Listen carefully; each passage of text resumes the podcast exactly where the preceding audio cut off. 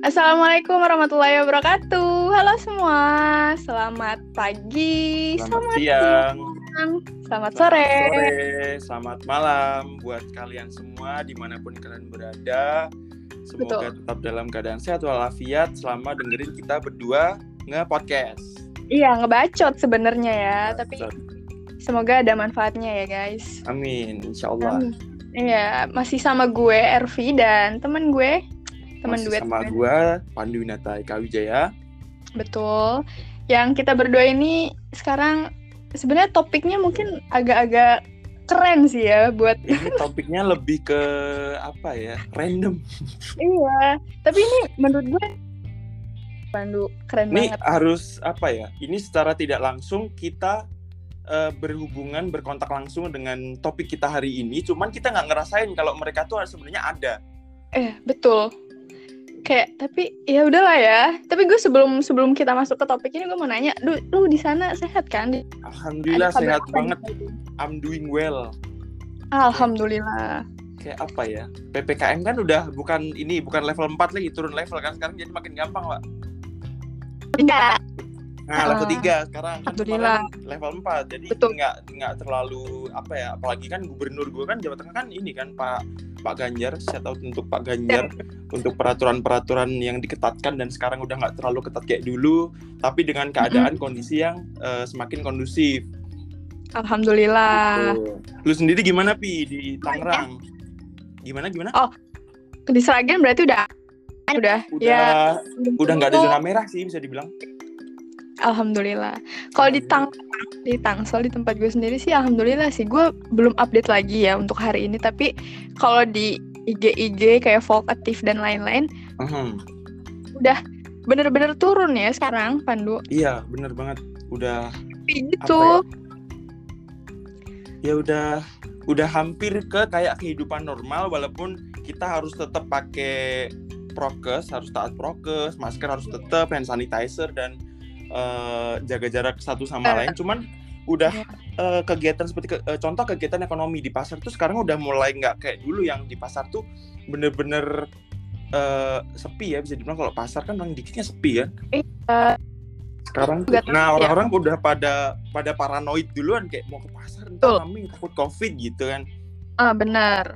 cuman sekarang udah nggak terlalu yang ini nggak terlalu yang orang iya rasa takut pasti ada cemas pasti ada. Cuman kan kita tahu sekarang kita eh, antara udah divaksin kita udah pakai prokes kita Ah, pengetahuannya udah semakin bertambah mengenai COVID-19 jadi udah udah kita sendiri aware kita tahu ilmunya jadi kita nggak terlalu parno yang kayak dulu Bener-bener.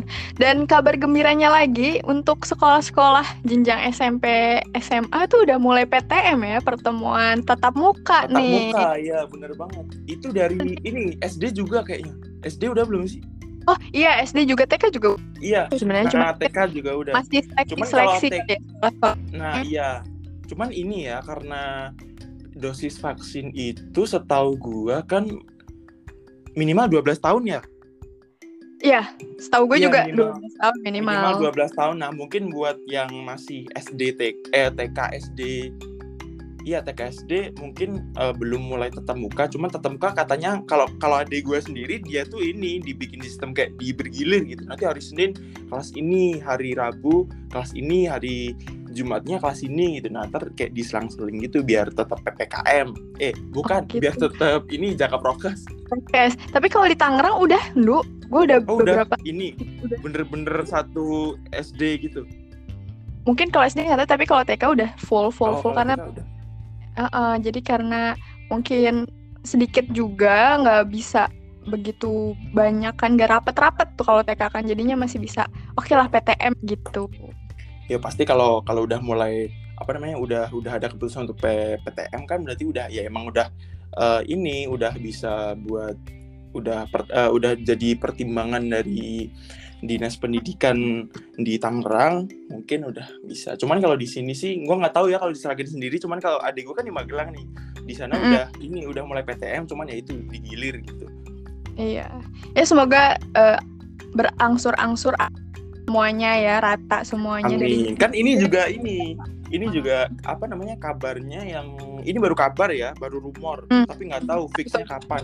Untuk Apa yang di kalian-kalian yang bersekolah di universitas yang udah jadi mahasiswa, entah entah jadi mahasiswa di universitas PTN Mm-mm. perguruan tinggi negeri ataupun kalian yang sekolah di kedinasan sebagai taruna taruni ini udah mulai rumornya akan balik balik ini ya balik kampus ya udah ya. mulai Udah ini, on kampus. muka lagi ya kampus. Jadi teman-teman gue banyak yang mulai pindah-pindah, udah mulai ngekos karena emang udah nah persiapan iya bener kampus gitu.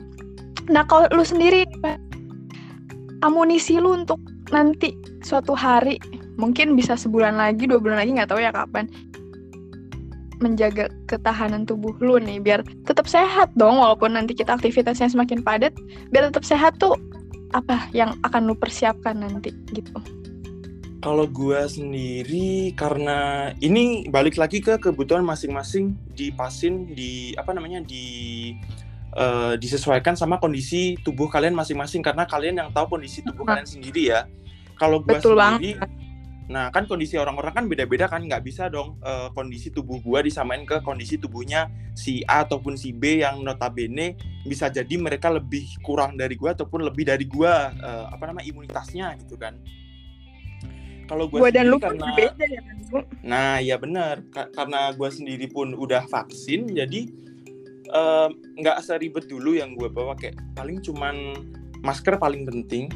Masker tuh pasti Iya. gue ma- bawa masker, hand sanitizer, Terus wajib banget itu masker sama hand sanitizer. Terus kalau pergi pergi pergi keluar yang keluar kota gitu, gue paling bawa ini sih, bawa imbus sama sebelum sebelum beraktivitas ke luar kota itu gue minum ini apa sih namanya UC 1000 ya? Iya UC Oh, 1000 iya, iya, iya. Yang Iya, iya. vitamin C yang vitamin C gitu. vitamin itu kan, iya. Nah iya sama gue tiap tiap malam sebelum tidur sama bangun tidur tuh gue ini minum apa namanya madu dikasih ini telur kuning telur tapi telur ini ya telur bukan ayam negeri ya telur ayam Ayam Jawa kampung. ayam kampung nah iya bener Nah, iya bener. Gue juga gitu, Nu. Kadang tapi ya gue belum terlalu tiap hari sih. ya itu soalnya ini wah amis banget kalau nggak Hmm. kuat nggak ini nggak bisa Hmm, madu itu bener-bener deh efeknya mantep ya. nah kalau madu tuh wah, gila sih Ngomong-ngomong tentang madu, gue ada fun fact menarik tentang madu dan Oke, apa tuh? penghasil. Jadi katanya ya, katanya katanya, madu kan berasal dari apa? madu Penyerbukan. berasal dari Lebah ya? Eh, kok lebah sih? ini wah lebah ya. Madu itu ya lebah bener. Ya kan lebah. Nah, lebah ini walaupun serangga kecil yang kita kira apa sih? Kecil kuning kayak Ternyata- belang-belang dia pak. Belang-belang kuning belang-belang udah kayak zebra cross ya belang. Ya, walaupun dia kecil, itu gila. Dia kontribusinya buat sekarang kita bertahan hidup ini pandu. Bener banget. Cuman eh, sayangnya sayangnya apa? eh, gimana ya ngomongnya? Gue sendiri gue tuh dulu dulu kecil karena Mm-mm. tanaman kayak bunga-bunga di depan rumah gue tuh kan banyak dulu kan. Mm-mm. jadi tuh jujur aja gue dulu sering banget ke ini ke apa ya kesengat kesengat lebah. Kesengat ini lebah lebah. madu. Iya. Iya iya. Dan Kan katanya kok ada bunga kecil gitu kan lucu kan? meriang ya? Gimana? Kalau kesengat gue dulu tuh katanya eh, pernah sekali gue kesengat iya.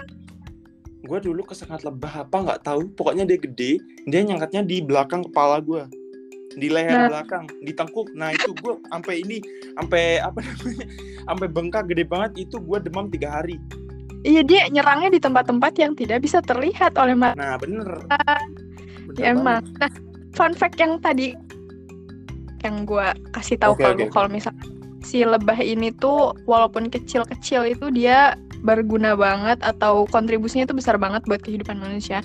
Itu karena sudah terbukti oleh FAO atau Food and Agriculture Organization itu katanya setiap tiga atau empat lahan pertanian itu yang pertanian buah ya, pertanian dan perkebunan buahan dan biji-bijian itu bergantung sama hewan penyerbuk. Nah, hewan penyerbuk yang salah satunya itu adalah lebah Jadi si lebah ini kontribusinya tuh gede banget buat menyediakan makanan sehat, terutama buah-buahan dan biji-bijian buat manusia. Coba bayangin deh, kalau misalkan tiga dari empat lahan pertanian itu mati gara-gara nggak ada lebah, apa yang akan terjadi coba Ndu? Tebak. Kayak gimana ya hasil panen pasti kan menurun drastis dong.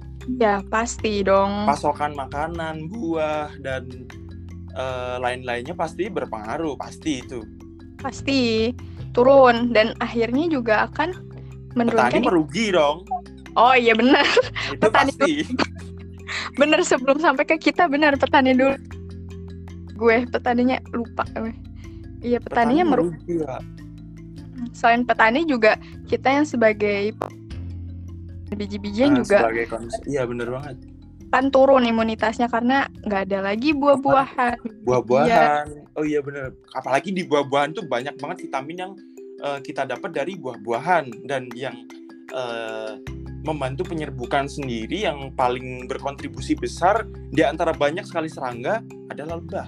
Karena lebah meng, uh, karena lu tahu penyerbukan kan? Kita belajar penyerbukan tuh di IPA biologi. Kita belajar IPA dari SD. Mm -mm Nah, penyerbukan tuh salah satu yang paling penting terutama kita hidup, kita di bumi gitu. Benar. Karena eh, nggak uh, cuman lebah, tapi juga hewan-hewan penyerbuk lainnya ada di bumi itu udah kayak berjuta-juta tahun yang lalu untuk menjaga tumbuhan penghasil pangan biar mereka tuh tetap ada dan mereka tuh juga berusaha berupaya untuk menjaga keane, uh, keanegara uh, keanegara keanekaragaman hayati. Oke. Okay. bisa dibilang menjaga ke keanekaragaman hayati karena melalui penyerbukan tersebut, penyerbukan terjadi sehingga uh, tumbuhan bunga satu dan bunga jantan dan bunga betina itu bisa ini bereproduksi gitu loh. Uh, betul. Sehingga tumbuh menjadi bunga tumbuh menjadi buah, buah di dalam buah kan ada biji. Benar. Nah, biji ya? yang udah buahnya dimakan, mungkin dimakan burung atau dimakan kita sebagai manusia, uh, dimakan oleh si konsumen sehingga uh, isi dari buah tersebut, biji dari buah tersebut tumbuh kembali ketika kita tanam ataupun jatuh, jatuh di tanah kan bisa tuh jadi tumbuhan lagi. Nah, mereka kan tumbuh bener. jadi tumbuhan kembali. Itulah kenapa gue bilang penyerbukan tuh uh, dengan melalui perantara serangga-serangga seperti lebah dan uh, serangga penyerbuk lainnya itu kan bisa menjaga keanekaragaman hayati itu. Ya, jadi siklusnya muter terus ya, nggak nah, habis. Nah, iya benar. Jadi ini jadi siklus kayak muter terus. Hmm, kalau terus akibat lebah atau serangga lainnya punah misalkan, ya pasti akan mengakar ke kita pada akhirnya. Ke kita, kita sebagai kita kan bisa dibilang ini ya rantai di apa namanya kons, pokok puncak. rantai makanan puncak kita yang tertinggi kan. Nah ini menarik nih ngomongin lebah dan madu tadi. Tadi kita udah nyebutin kalau si lebah ini tuh uh, salah satu hewan serangga yang benar-benar uh, bermanfaat atau bermanfaat, berguna. berbunga, eh berbunga, berguna. Uh, uh, bener. Nah di sini gue nemuin nih beberapa beberapa teori astagfirullah kok teori ya intinya kayak pendapat gitu ya mungkin pendapat okay. orang kalau kan si lebah ini hilang punah nah oh Dan, iya bener banget oh iya baik gue gua ini nih ini plotis banget ya gue nggak pernah gue belum karena gue sendiri jujur ya akhir-akhir mm -hmm. ini kan kita kurang banget keluar dari rumah. Iya. Jadi gue sendiri jujur sekarang karena lebih banyak di dalam rumah jarang banget lihat ini mad eh bukan madu lihat ini lebah. Padahal tiap hari hampir tiap hari minum madu kan? Uh -uh. nah. Nah faktor fa lebah itu sebenarnya nggak sih karena kita yang semakin ganas. akan per pembangunan jadinya banyak uh, kebun ya, atau hutan-hutan yang tadinya mereka bisa tinggal bisa membuat sarana ya menyebabkan lebah itu sendiri makin berkurang nih populasinya. Populasinya berkurang karena ya itu tadi habitat yang kita ambil alih ya sebenarnya. Iya betul. Itu juga salah kita sendiri sebagai ya. manusia yang bisa dibilang egois ya, selfish. Iya, iya bisa.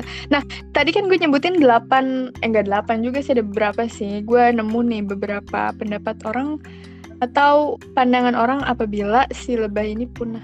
Gila ya, so, sebuah buah seekor lebah aja punah ini bisa menghasilkan teori-teori yang keren gue gitu maksudnya kok bisa gitu nih salah satunya apa coba kalau madu hilang dari muka bumi penjual kopi akan bangkrut Coba bayangin Apa apa hubungan ini? Apa namanya? Madu sama kopi.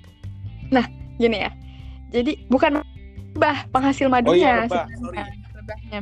jadi kalau berdasarkan teori ini atau pendapat ini tuh si tanaman kopi ini salah satu eh, penyerbuk utamanya itu adalah lebah Oke. I Jadi see. misalkan lebah ini nggak ada, ya otomatis tanaman kopi itu akan turun nih keberadaannya atau per- Mhm. turun maka pasokan kopi dunia ini akan berkurang.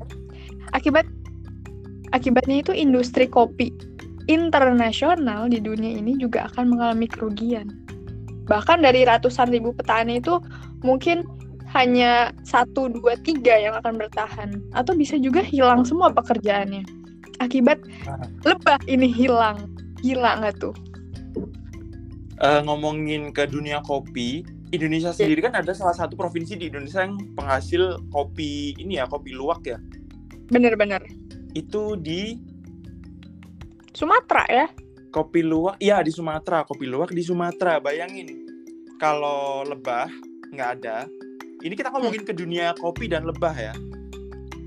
Oke, ke mana-mana. Baik, Baik, Kalau lebah lebah punah, lebah punah kan tadi kayak yang lu bilang proses penyerbukan dari kopi sendiri kan dibantu terutama oleh lebah. Betul. Kalau kopi tidak ter terserbuk apa ya penyerbukan kopi tidak bisa karena lebah pun nggak ada kopi Ha-ha. luwak nggak akan ada juga kan Iya dong. Walaupun Berarti bayangin kita eh, di Indonesia dengan Hmm. eh, bisa dibilang beribu berpuluh ribu orang petani yang nanemin kopi, buat dibuat diproduksi menjadi kopi luwak Mm-mm, kita kehilangan berapa banyak ini komoditas bener. Dan itu juga akan berimbas pada ekspor impor kita nggak sih? Nah, kita iya, bener banget. turun nih kemampuan ekspor Indonesia karena Nah. kopi itu kalau di Indonesia kita lihat-lihat emang salah satu komoditas yang besar untuk eh, pengeksporan. Jadi kan mengekspor kopi ya bener. Gila, ini baru satu, Pandu baru satu. oke baru satu lanjut Lanjut. Yang kedua, katanya kalau lebah ini hilang, harga pakaian akan menjadi sangat mahal. oke Nyambung lagi. hubungannya nah nih lagi nih Padahal kalau kalau kita ngomongin pakaian mungkin yang akan terbesit di benak kita itu sutra, ya nah, kan serang. Sutra. sutra Iya, bukan lebah, tapi ini lebah penghasil madu, tapi kalau misalkan dia hilang, harga pakaian akan menjadi sangat mahal. Karena apa? Mau tau nggak? kenapa tuh Karena si lebah ini bukan cuman menghasilkan eh, penyerbukan, bukan hanya membantu penyerbukan pada tanaman yang menghasilkan buah, tapi juga menjadi agen penyerbukan bagi pohon kapas. oke I see itulah kenapa Nah, kalau nggak ada lebah pakaian jadi mahal kar- eh, karena ya itu tadi kapas iya, karena bahan dasar dari semuanya itu si tanaman kapas ini nggak bisa hidup. nggak Karena bisa ada- hidup karena iya bener banget nggak ada penyerbukan dari si lebah itu sendiri kalau lebah hilang Betul. Jadi oke Hmm, makin langka nih ya si pohon kapas ini, makin langka kain, maka pakaian pun, baju, apa yang kita pakai ini nanti ke depannya akan mahal banget. itu udah pasti Yang keempat. Eh, yang keempat. eh Baru berapa? baru tiga baru tiga Baru ini dua, ada berapa sih banyak banget ya Ada banyak, tapi mungkin gak akan semuanya ya. Ini yang terakhir kali ya, tapi ini yang Mhm.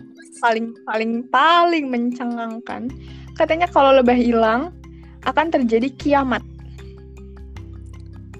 bentar nih gua gua mau shock tapi gimana ya shock aja nggak apa-apa tapi gue Pandu setahu gue shock itu makanan loh yang ada kuahnya oh itu ini itu sop matahari tau nggak enak tau lu sopan mematahkan jokes gue dasar tidak bisa membantu temannya dalam melawak ini mah oke lanjut lanjut masih oke masih lanjut ya kita udah keluar topik nih kenapa terjadinya kiamat? Kalau menurut lu gimana? Sesuai pandangan lu aja nih. Kalau menurut lu kalau lebah hilang, kenapa sih bisa terjadi kiamat?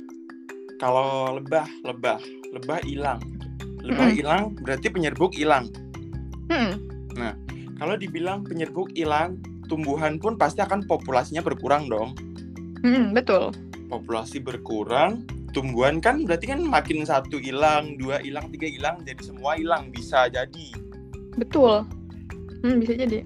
Kalau kita belajar IPA di biologi itu tumbuhan adalah salah eh, salah satu bukan salah satu tapi dia adalah faktor terpenting untuk memproduksi oksigen dari fotosintesis. Oksigen dan karbohidrat untuk makanan Nah, kita. oh iya benar buat makanan. Mm-mm. Oh iya benar juga ya bisa kiamat ya. Bisa dong. Nah, ini tadi gue lanjutin dari lu ya. Sebenarnya apa yang lu ngomongin itu udah benar, Pandu. Cuman kalau dari teori ini, dari eh, pendapat orang ini, kalau misalkan Mhm. ini hilang bisa terjadi kiamat itu karena tadi udah kita sebutin dari awal. Pertama, makanan kita, buah-buahan, biji-bijian itu punah juga kan, hilang Mhm. juga. Eh, Si, si lebah ini nggak ada. Terus yang kedua, pakaian. Pakaian akan semakin mahal, semakin mahal, semakin mahal. Akhirnya ekonomi ini gejolaknya itu akan menyebabkan peningkatan angka Peningkatan. kriminalitas. Kriminalitas. Mhm. Kalau orang udah otaknya kriminal, pasti segala cara akan dilakukan untuk memenuhi kebutuhan hidupnya. Benar. Iya benar banget. Itu benar banget. Nah, jadi manusia ini bakal sa- sangat sangat sulit untuk bertahan hidup. Bahkan mungkin nantinya bisa saling bunuh, Saling membunuh, bunuh membunuh. Iya benar banget. peran. Terus pokoknya ini tuh bener-bener gila, gua speechless banget. Hebat banget. Satu satu unsur makhluk hidup di muka bumi, satu jenis aja hilang. Efeknya bener-bener Efeknya besar. bisa benar-benar buat kita kita juga ikut hilang bisa dibilang. Lama kelamaan kan kita juga ya itu tadi kepunahan. Bener. Nah makanya nih bener gue udah singgung kalau misalkan si lebah ini tuh jangan sampai punah karena kalau si lebah ini punah ya tadi udah kita sebutin beberapa teorinya dan emang sudah beberapa terbukti secara ilmiah seperti tanaman yang tidak bisa eh, tidak bisa melakukan penyerbukan Bukan. macam gitu. Nah, eh, alasan mengapa si lebah ini kemungkinan di masa yang akan datang itu diperkirakan punah itu karena apa coba? Karena salah satunya adalah perilaku manusia ini yang semakin ke sini tuh semakin sering melakukan penyemprotan pestisida pada tanaman. Iya, oke bener banget. Pestisida. Oh iya, kar kenapa? Karena lebah serangga. Mm-mm, nggak bisa dia. Pestisida, insektisida, fungisida, itu semua bahan kimia yang bisa membunuh semua serangga. Oke, Benar. Walaupun nggak terbunuh, ya mereka mah Aduh anjing, ini apa sih gue apa? Aku pusing. Iya bener memutuskan untuk membunuh diri. Jadi kayak walaupun mereka banyak, maksudnya eh, terus bereproduksi ya, tapi kalau misalkan kitanya juga semakin ganas dalam melakukan penyemprotan pestisida yang berlebihan ataupun eh, apa namanya tanaman-tanaman, pohon-pohon, hutan-hutan kita tebangin yang eh, habitat mereka itu akan si lebah itu sendiri. ya udah walaupun mereka banyak juga pasti lama kelamaan akan turun populasinya turun turun turun akhirnya punah Punah. serem ya Oke. Jadi Mas- jadi sebenarnya bisa dibilang kehidupan seluruh makhluk hidup kecuali si penyerbuk itu kita bergantung sama mereka. benar. Jadi ya itu aja. Saling melengkapi nggak sih? Nah, saling saling gimana ya, sa- saling membutuhkan satu sama lain. Bisa bisa dibilang simbiosis mutualisme. benar. Benar banget. Kalau seumpama pun kita bisa eh, gimana ya, semua manusia kayak ini jadi ini sih, jadi apa ya mimpi kita semua. Harusnya kita bisa gimana ya, kita bisa hidup berdampingan dengan nggak cuma ini sih, nggak cuma lebah ataupun serangga penyerbuk yang lain, cuman kalau bi- kita bisa hidup berdampingan dengan hewan-hewan yang lain, maksudnya berdampingan itu kita bisa kita ngerti mereka membutuhkan eh, habitatnya untuk kehidupan mereka dan kita dengan kehidupan kita dengan habitat kita sendiri di perkotaan gitu loh di pedesaan Iya. jadi kita nggak nggak yang bersifat destruktif ngehancurin habitat mereka untuk kebutuhan kita sendiri contoh penebangan liar pembangunan pabrik Benar. dan ya itu tadi kita butuh mereka sejujurnya Ya, kita butuh mereka. Jadi ya udahlah. Sekarang mah pesen kita aja ya, Nu. Kita udahlah stop-stop deh. Ya, mencemari lingkungan itu Nah, dimulai dari situ kali ya. Iya, jangan mencemari lingkungan. Terus nanti kalau misalkan suatu saat nanti kalian punya kuasa atau punya wewenang gitu ya di daerah-daerah di Indonesia, pesan kita sih tolonglah izin penebangan hutan. penebangan liar bener banget kenapa karena selain itu adalah habitatnya si hewan-hewan itu tadi kita Itu juga, juga butuh sebagai- tanaman Pusat kita Nah. oksigen dari mereka. kita Kalau oksigen ada, butuh dari mereka cuman bener. eh, penebangan oke cuman kita yang penting reboisasi tetap Mm-mm. Kita ngambil, kita tanam lagi. Kita ngambil, tanam tanam, lagi. lagi. Tapi dengan eh, penebangan dengan batas tertentu Iya, nggak yang bener-bener sampai gundul gitu kali Nggak ya. yang bener, ya bener nggak yang sampai aduh gundul harusnya jadi hutan kota malah jadi gundulan kota kan nggak lucu ah. Ya, lucu dong. yang tadi punya rambut jadi botak lontot. Jadi botak. bener, bener banget. Oke deh. Ini udah lama banget kita ngomong ya. Iya. Jadi intinya dari apa yang kita omongin hari ini, topik kita hari ini apa, Nduk? sekecil apa pun suatu makhluk hidup pasti ada manfaatnya. Keren banget. Ini pasti kaget ya gue tunjuk-tunjuk ya. Cepet ya? Kita nggak Oh. boleh nyepelein. Bener-bener. Kita harus saling menghargai. Heeh, Karena betul. gimana ya? Tuhan menciptakan satu makhluk itu pasti ada alasannya dong. Apa pun itu Dan manfaatnya sekecil apa pun. diciptakan itu tadi yang udah dijelasin RP tadi. Kenapa ada lebah di dunia? Karena ya itu tadi kalian putar ulang. Kalian dengerin apa yang disampaikan sama si RP. Dan kalau kalian masih macam-macam sama populasi lebah di luar sana, siap-siap. Awas. Awas. Oke, itu aja kali ya untuk eh, episode pertama kita. Asik. Episode pertama membahas mengenai lebah, madu, dan kawan-kawannya. Lebah bisa menjadikan alasan dunia kiamat. Apa ya Ya. judulnya nanti dulu. Pokoknya itu ya, boleh, boleh deh. Yaudah. Sih buat kalian semua yang udah dengerin kita, semoga ke depannya kita bisa memberikan konten-konten yang lebih menarik lagi, yang lebih baik lagi Amin. dari cara kita penyampaiannya ataupun isinya. Semoga ke depannya akan lebih baik lagi. Amin. Kami terbuka untuk saran dan kritik dari kalian semua. Apabila memang ada kesalahan dari kami ataupun dari um, konten-konten yang kami sampaikan, apabila ada kesalahan kami mohon maaf. Apabila Betul. ada kritik dan saran, silahkan disampaikan di kolom komentar. Betul, betul banget. Oke, sekali lagi kita berdua pamit undur diri. Sampai jumpa di podcast selanjutnya. Dadah. Bye bye. Assalamualaikum. Waalaikumsalam.